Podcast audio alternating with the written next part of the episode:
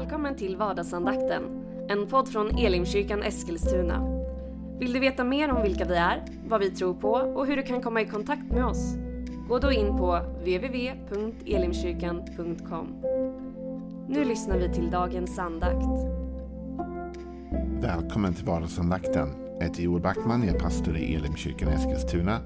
Vad roligt att du är med och lyssnar tar del av våra andakter. Dela dem gärna till dina vänner och bekanta om du tycker att det här är någonting som är värt att, att ha eller lyssna på. Vi håller på med Efesebrevet och vi kommer faktiskt avsluta det första kapitlet idag. Och då kanske du tänker mig, jag har inte hängt med tidigare. Det gör inget. Varje dag är sitt eget avsnitt och bär en egen tanke även om det finns ett sammanhang och en kontext såklart i alltihopa. Vi har valt Efesierbrevet i år därför att det är Ekumeniakyrkans temaår och vi tillhör ju då Ekumeniakyrkan. Vi ska läsa från och med vers 20 kan vi läsa. Lät verka i Kristus när han uppväckte honom från de döda och satte honom på sin högra sida i himlen. Högt över alla härskare och makter och krafter och herravälden över alla namn som finns att nämna såväl i denna tiden som i den kommande. Allt la han under hans fötter och honom som är huvudet över allting gjorde han till huvud för kyrkan som är hans kropp. Fullheten av honom som helt uppfyller allt. Här talas det om Jesus. Och det talas om att Jesus då har ju blivit upphöjd nu efter sin död och sin uppståndelse som blivit upphöjd över alla härskare, makter, krafter, herravälden och riken. Och att allt är lagt under hans fötter. Det här är ju en fantastisk text.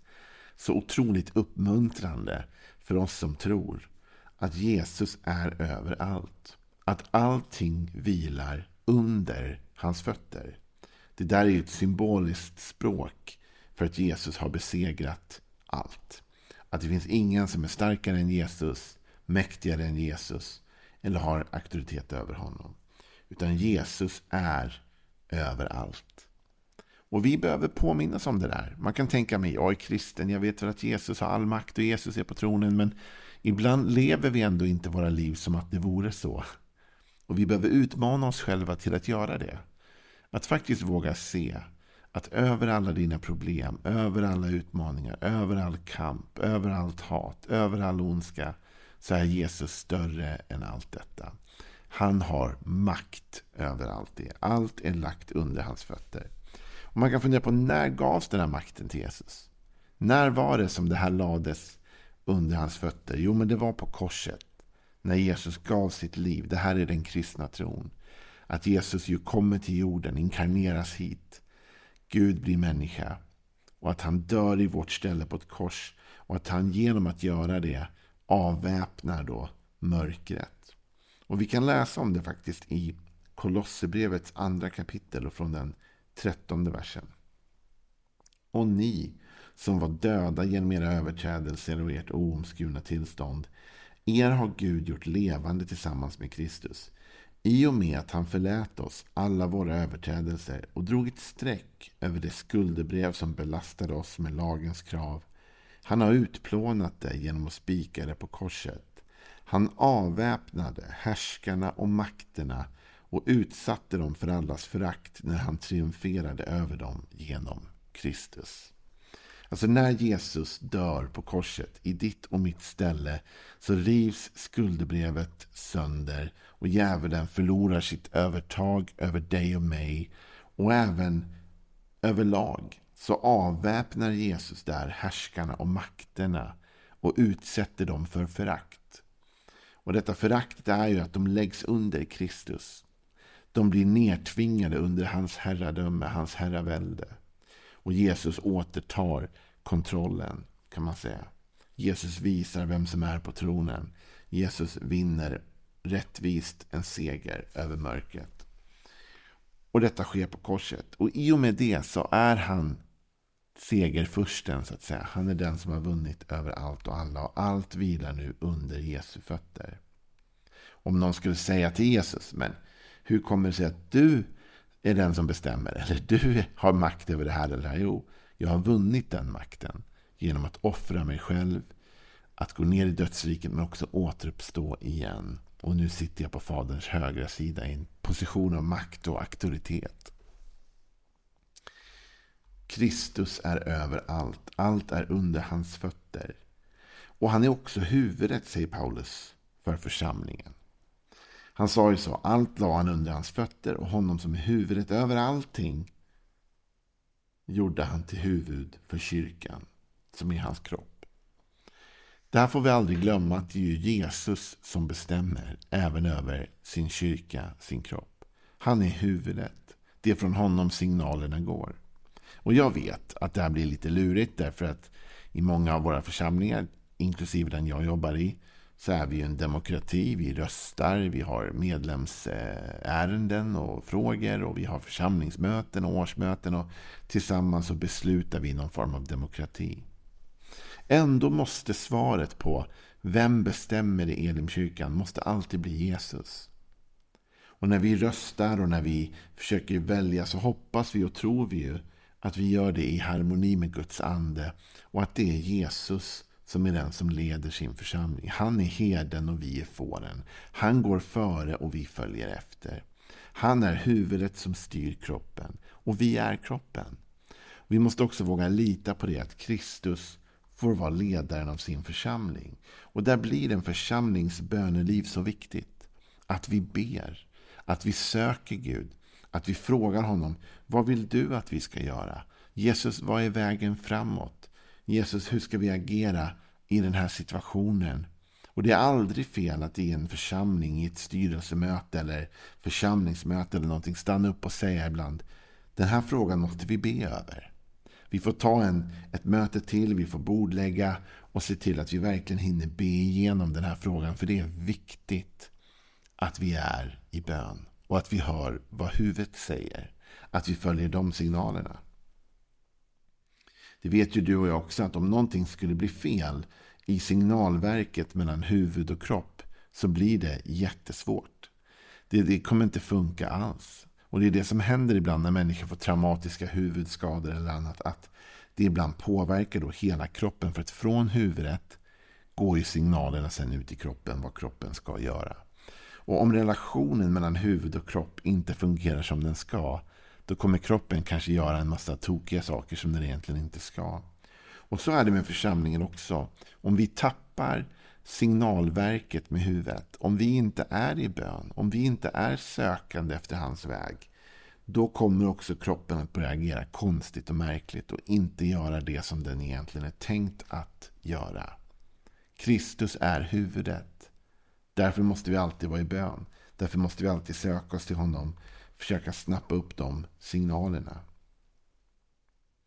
Han är huvudet för församlingen. Om vi läser i eh, Matteus 16 så är det också det som på ett sätt Jesus förklarar för Simon. Även om han också delegerar över ett visst ansvar. Så här står det i Matteus 16 och vers 17.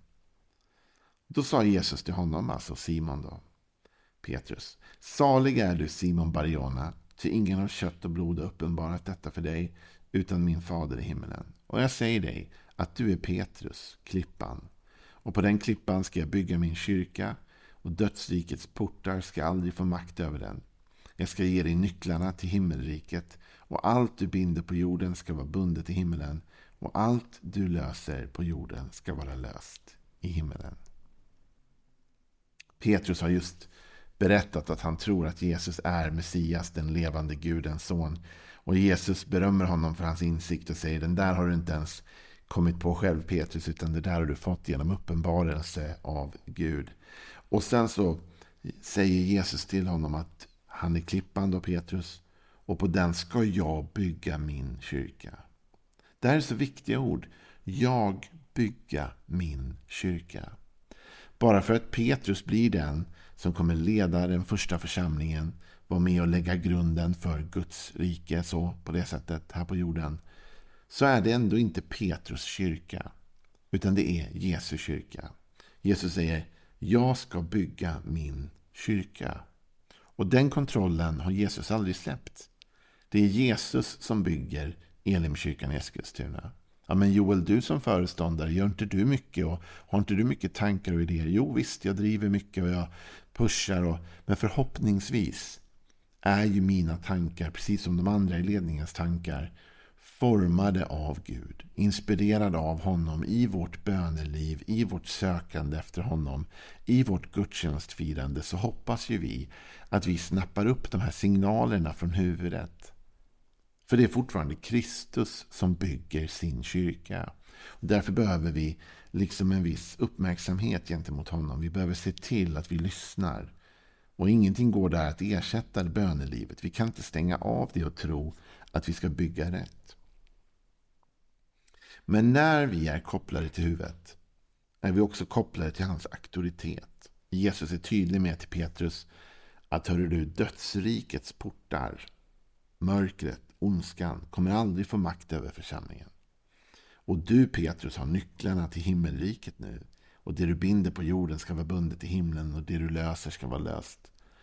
Vilket oerhört mandat. Var kommer det mandatet ifrån? Jo, men det mandatet kommer ju ifrån det vi läste i Efesierbrevet. Att allt är lagt under Jesu fötter. Att han som är huvudet över allting också är huvudet över kyrkan som är hans kropp. Så Jesus är i auktoritet. Och den auktoriteten har han också gett till sin kropp. Och ibland är vi för dåliga i att leva ut den auktoriteten. Ibland blir kyrkan för ursäktande, för feg. Vi borde stå upp mer för sanningen. Vi borde stå upp mer mot ondskans krafter och mörkrets makter. Därför de får aldrig makt över oss. Därför vi är i Kristus och Kristus är överallt. Och om Kristus är överallt, då är hans kropp överallt. Och då måste hans kropp också våga leva i denna fullhet, i denna frihet. Och förstå att på grund av att vi är Kristi kropp har vi nu del av himmelrikets gåvor. Vi har nycklarna in till himmelriket. Och nyckeln heter Jesus. Jag kommer ihåg när jag var lite yngre så läste jag en bok som hette Jesus den öppna dörren. Det var Kenneth Hagen som hade skrivit den boken. Och eh, den talade om Jesus då som vägen, dörren in. Och så är det ju för oss att Jesus är nyckeln eller dörren in till det himmelska. Det är han som är vägen. Jag är vägen, sa han själv, sanningen och livet. Ingen kommer till Fadern utom genom mig. Men när vi vandrar på den vägen och när vi använder den nyckeln så öppnar sig himmelens reservoarer för församlingen. Och vi får del av det gudomliga livet. Och vi kan lösa och vi kan binda. Och jag funderar ibland på, gör vi det idag? Är kyrkan verkligen en kraft som både binder och löser? Binder vi mörkret? Binder vi ondskan? Binder vi allt detta, synden och allt annat? Och löser vi människor till frihet? Ja, det är frågan. Och du och jag måste våga vara ärliga med det. Om vi inte gör det så måste vi fundera kring hur vi gör fel. Därför att egentligen är det så att denna auktoritet är given oss i Kristus. Inte i oss själva, inte i vår egen förmåga, utan genom Kristus. Men jag tror också, och det är viktigt att få in den punkten här, att det här är en auktoritet som också är given till hans församling. Inte bara till en person. Det är inte så att en person sitter på nycklarna till himmelriket att lösa, binda, befria. Jag tror på andligt ledarskap, absolut. Jag tror att människor kan ha olika gåvor, olika mycket så. Men jag tror att när Jesus ger den här auktoriteten så ger han den främst till sin församling. Att vi löser och binder tillsammans. Att vi är en kropp som samarbetar i harmoni. Och att när vi samarbetar i harmoni då frigörs enorma krafter till vårt förfogande. Och då kan vi verkligen uträtta Guds vilja. Ja, det här var några tankar vidare om hur Jesus är överallt. Han är huvudet över allt och han är också huvudet över sin församling. Det är han som leder och styr här. Och vi får försöka snappa upp de signalerna och leva som hans kropp här på jorden i den auktoriteten som han har givit oss. Låt oss bli ännu modigare i det. Ha en välsignad dag. Nästa gång vi är tillbaka med vardagsandakten, ja, då dyker vi ner i kapitel 2. Så det är ju spännande bara det. Hej då.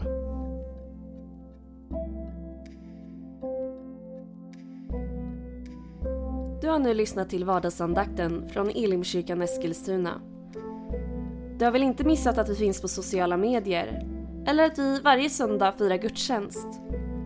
Hoppas att vi ses där.